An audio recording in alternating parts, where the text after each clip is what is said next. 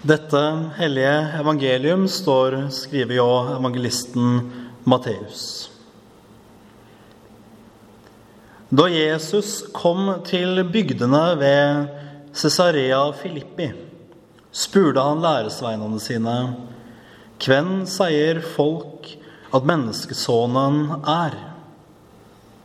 De svara, somme sier døyperen Johannes, andre Elia og atter andre Jeremia eller en annen av profetene. Og det, spurte han, hvem sier det at jeg er? Da svara Simon Peter, du er Messias, den levende Guds sønn. Jesus tok til orde og sa, Sel er du, Simon, sønn til Jonah. For dette har ikke kjøtt og blod åpenbæra for deg, men min far i himmelen. Og det sier jeg deg, du er Peter, og på dette fjellet vil jeg bygge mi kyrkje, og dødsrike portene skal ikke få makt over henne. Jeg vil gi deg nøklene til himmelriket. Det du binder på jorda, skal være bundet i himmelen og det du løyser på jorda, skal være løyst i himmelen. Så forbaud han læresveinene strengt og seia til Låkon at han var Messias. Slik lyder det hellige evangeliet.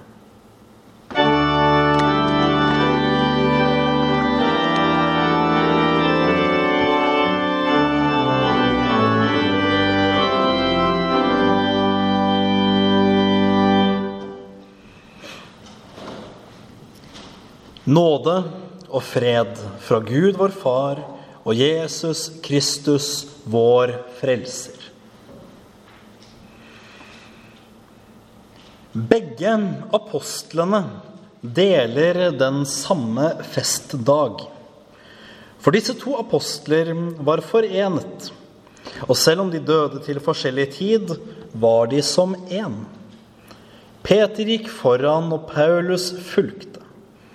Derfor feirer vi denne dag som apostlene har gjort hellig for oss. La oss gi vår tilslutning til deres tro og livsverk, lidelsen, forkynnelsen og trosvitnesbyrdet. Slik talte kirkefaderen Augustin i en preken på aposteldagen i år 395.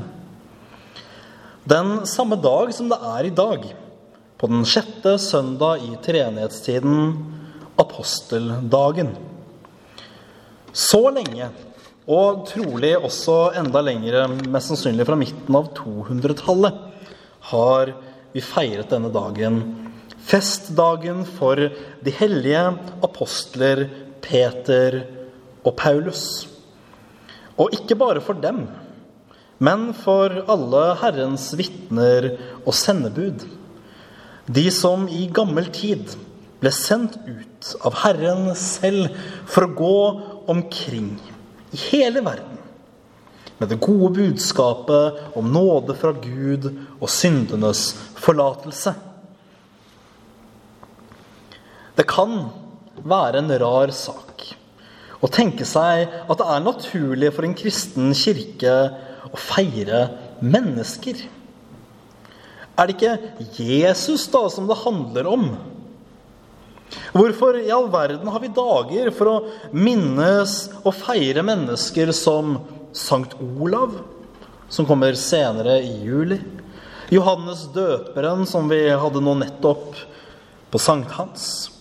Guds mor Maria?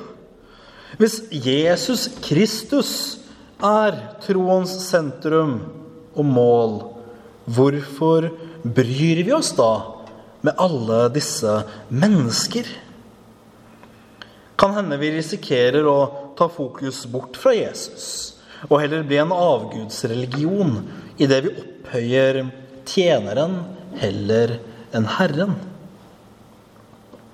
Dette er naturligvis en fare, men jeg tror likevel ikke at det er nødt til å være sånn. For det finnes nemlig en mellomting. Jesus Kristus er naturligvis troens sentrum. Det var han som brakte oss evangeliet, det gode budskapet om at Gud for hans skyld ikke lenger holder oss ansvarlige for syndene våre, men tilgir dem kun av nåde og faderlig kjærlighet og godhet når vi tror på ham. Men det er naturligvis en forskjell her også. Skal vi gjøre ting rett, må vi aldri gi mennesker den ære og tilbedelse som hører Gud til. Men vi kan minnes, takke og feire mennesker. For alle helgenene var nemlig enormt viktige mennesker. Og uten dem hadde ikke vi sittet eller stått her i kirken i dag. Og Jesus han taler tydelig til Peter etter hans bekjennelse. Du er Peter, og på denne klippet vil jeg bygge min kirke. Dette er store ord, og dette er troens og bekjennelsens klippe som Jesus vil bygge sin kirke på. Og det er jo dette alt handler om. Dette er hva alt står og faller på. Bekjennelsen av Jesus Kristus som Guds sønn, Messias, vår frelser, som ble korsfestet for våre synder, døde og sto opp igjen. Alt dette var ikke klart for Peter på dette tidspunktet. Men én ting var det. At denne Jesus, som han kjente som lærer og venn, var Messias.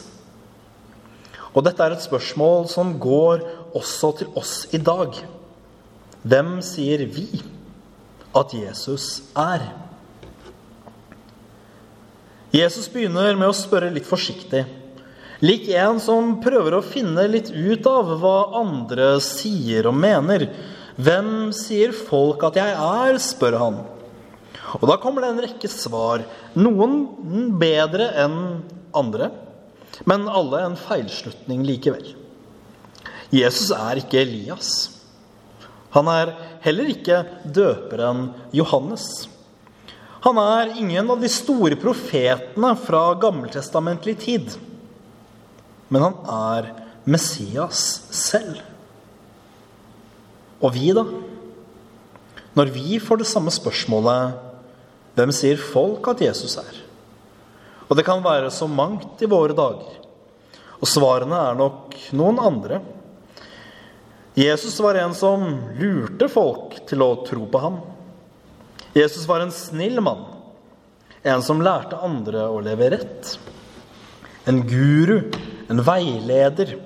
En som gjorde gode gjerninger, men ikke så mye mer. En slags tidlig Gandhi eller mor Teresa. Her også er jo noen svar bedre enn andre. Men ingen treffer likevel mål helt. Og til syvende og sist er dette spørsmålet hvem sier folk at jeg er? Helt uinteressant. For det store spørsmålet til apostlene, det går også til oss. Det går til deg, og det går til meg. Hvem sier dere at Jesus er? Hvem sier du at Jesus er? Dette spørsmålet er så viktig fordi det er dette frelsen avhenger av. Tror du at Jesus bare var en stor morallærer, men ikke noe mer? Da er ikke det en troens bekjennelse. Men hvis du derimot ser på Jesus, og der ser det Peter og de andre apostlene så, Messias, Kristus, som jo betyr det samme bare på forskjellige språk. Den levende Guds sønn. Da er det en sann kristen bekjennelse, som du ikke er i stand til av deg selv. Gud selv er det som skaper denne troen og bekjennelsen i oss. At vi av vår egen kraft ikke kan gjøre noe godt fra eller til for å fortjene frelsen, at vi får den fra Jesus alene. Og nettopp derfor er dette den klippe Jesus vil bygge på. Troens bekjennelse. Han bygger den ikke på Peters person, slik noen gjerne har tenkt seg. Nei, det ville ikke duge. Skulle Jesus bygget på det, så ville kirken falt før påsken var omme, med Peters fornektelse. Det duger jo ikke. Men selv om et feilbarlig menneske ikke duger til å bygge en kirke på, så er det annerledes med vitnesbyrdet. For uten apostlenes villighet til å gå med Herrens evangelium til hele verden, så ville det blitt smått med kristentroen i Europa og ellers i verden. For til dette, til dette var apostlene utvalgt av Jesus. Først de tolv, og siden Mattias, som erstattet Judas. Og så Paulus, den eneste som ikke var øyenvitne til alt det Jesus gjorde, men like fullt kalt særskilt av ham. Jesus sier til apostlene i Lukas kapittel 10.: Den som hører dere, hører meg. Forstår vi kanskje med dette hva slags høyt kall apostlene hadde? Hvilken myndighet de faktisk fikk av Jesus selv, så vi kan si at ja, det de skrev, var Guds ord. Paulus har skrevet flere skrifter i Det nye testamentet enn det er evangelier. Og dette er så viktig, for særlig i våre dager så går det sport i å så tvil om apostelens myndighet, og særlig får Paulus gjennomgå. Men dette skal vi tro, at hele Bibelen, fra start til slutt, er Guds ord. Også det Paulus skrev.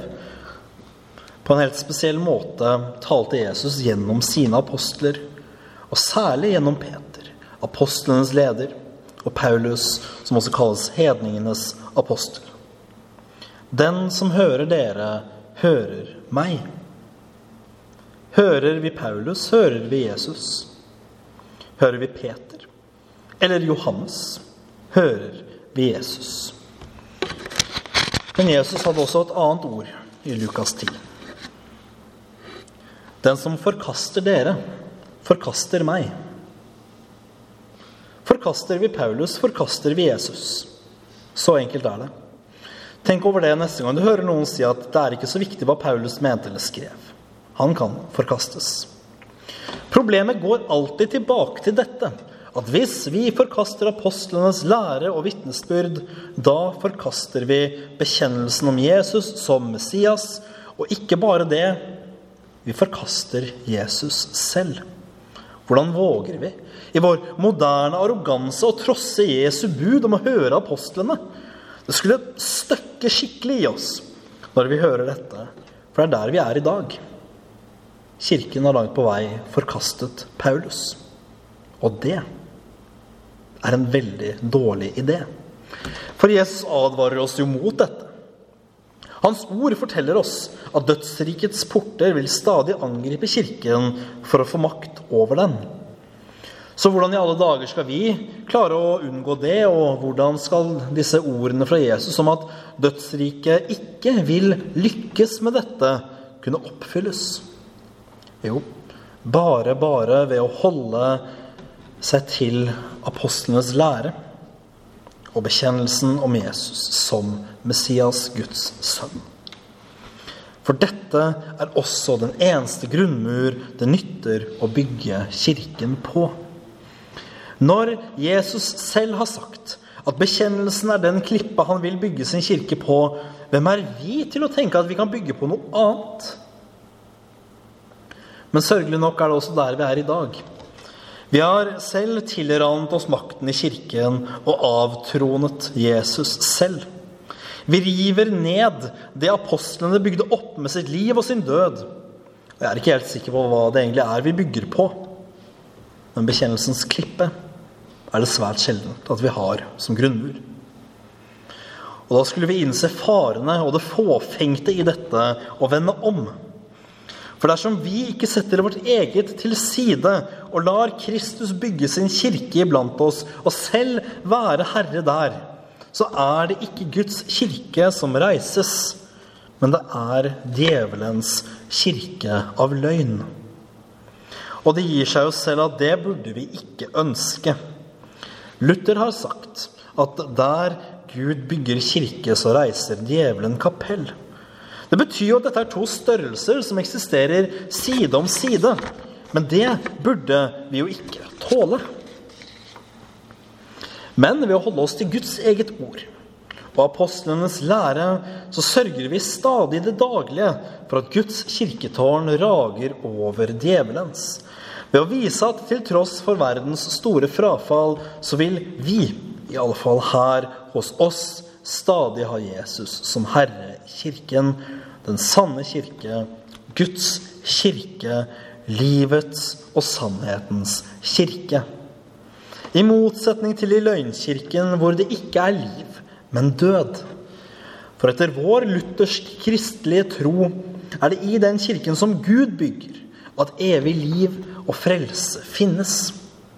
Den kirke der Den hellige ånd er aktiv, der får vi daglig fullstendig tilgivelse for alle våre synder.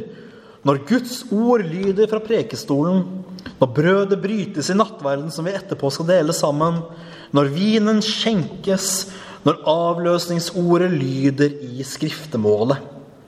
Da bryter himmelen inn i vår verden med liv og frelse ved Guds nåde. Dette er gaver som ikke finnes noe annet sted enn i Guds egen kirke. Og derfor er det så viktig at kirken er sann. Og derfor er det også så viktig at apostlenes lære følges. Og Det var jo derfor Jesus innsatte apostler. Og det er også derfor kirken har prester som apostlenes etterfølgere. Dog med veldig mye mindre myndighet. Men himmelrikets nøkler er gitt til kirken, og kirkens tjenere er det som holder disse i sine hender. Dette er nøklene som skal løse og binde, og tilgi synder og fastholde synder på Guds vegne. Derfor er prestene, som apostlene, ordets tjenere.